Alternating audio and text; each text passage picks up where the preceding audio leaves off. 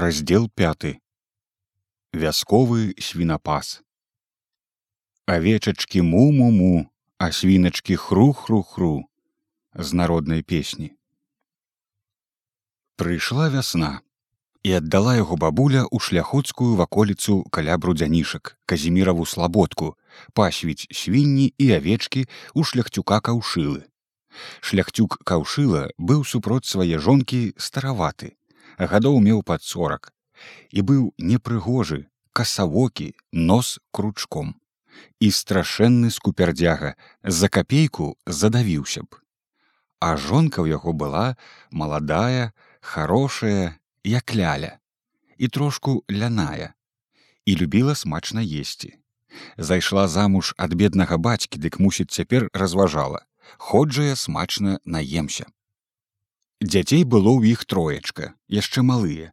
І ўсе дзеці былі ў бацьку. Непрыгожыя лупавокія з кручкаватымі насамі. І былі яны худыя саплівыя ускулілі у каросце. Ці маці не вельмі іх даглядала таму што не любіла ці прырода ўжо была такая але каўшыла часта за іх на жонку наракаў.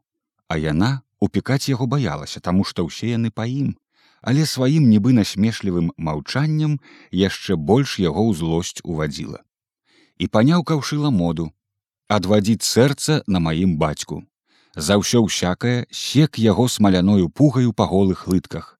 Як секане аж пуга вакол нагі абаўецца. Ён пугу пацягне раскруціць ды яшчэ. Прычыну ж заўсёды мог знайсці.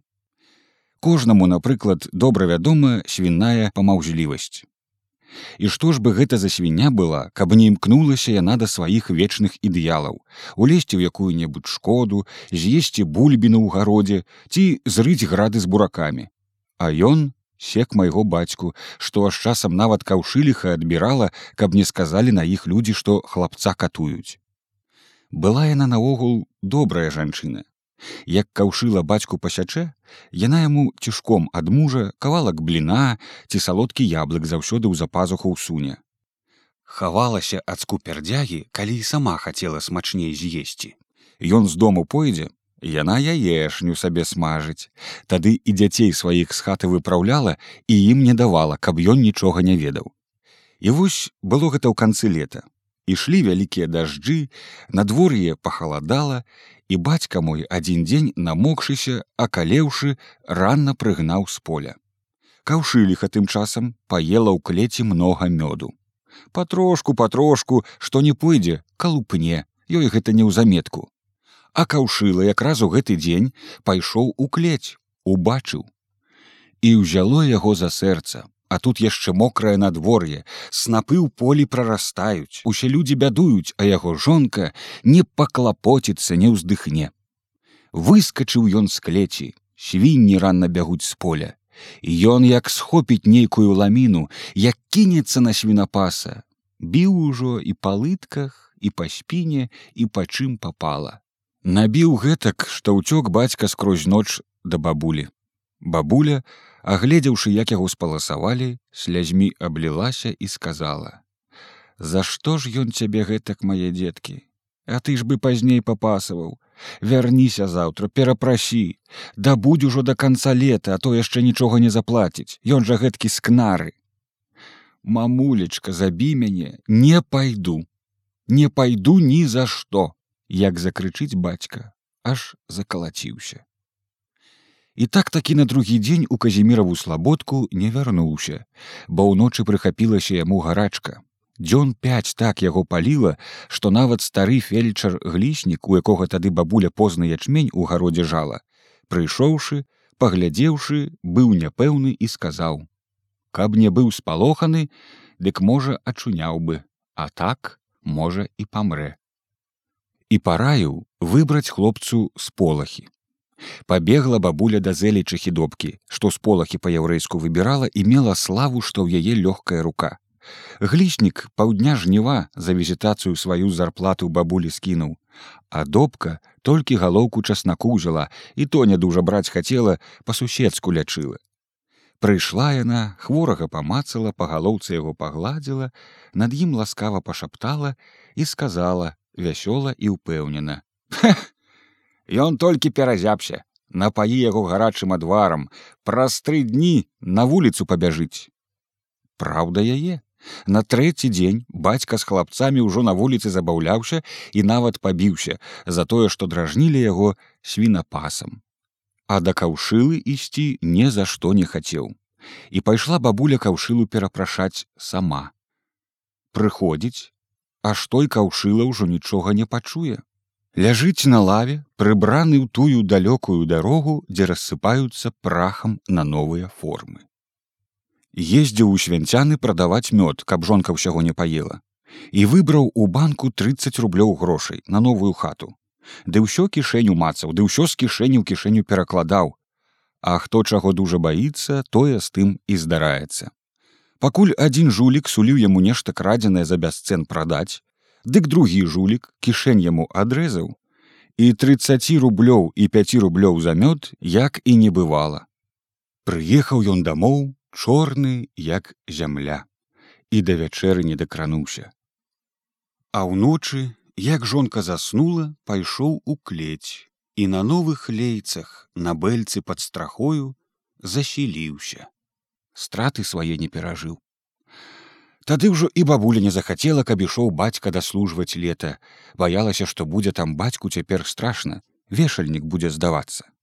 Каўшыліха запраслужоная з божжам ці мукою ёй аддала, а наняла сабе дарослага парабка.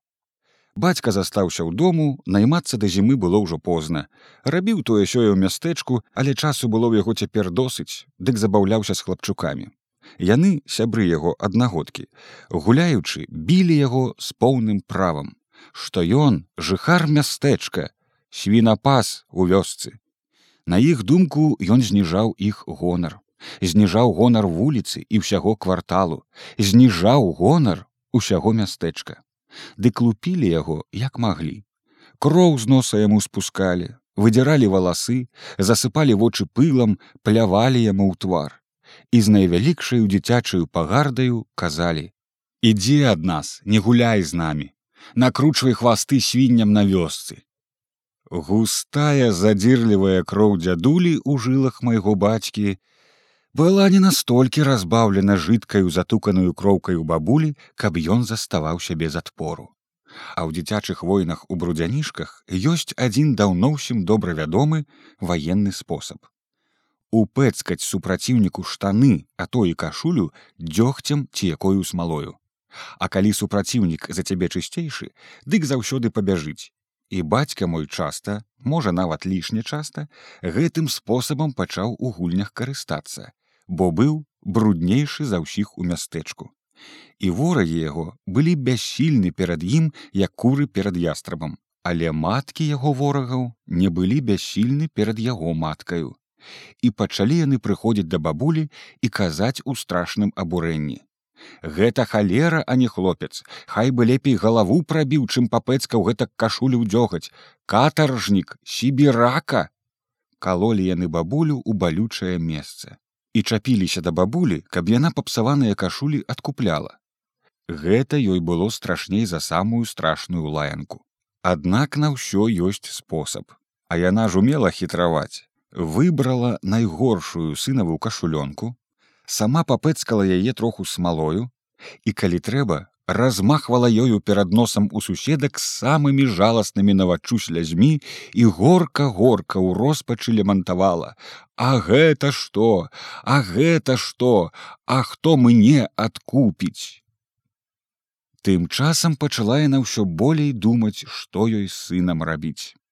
І вось спаткалася аднаго разу на вуліцы па-суседску з элікам добкіным мужам, вядомым брудзянійскім баравішнікам.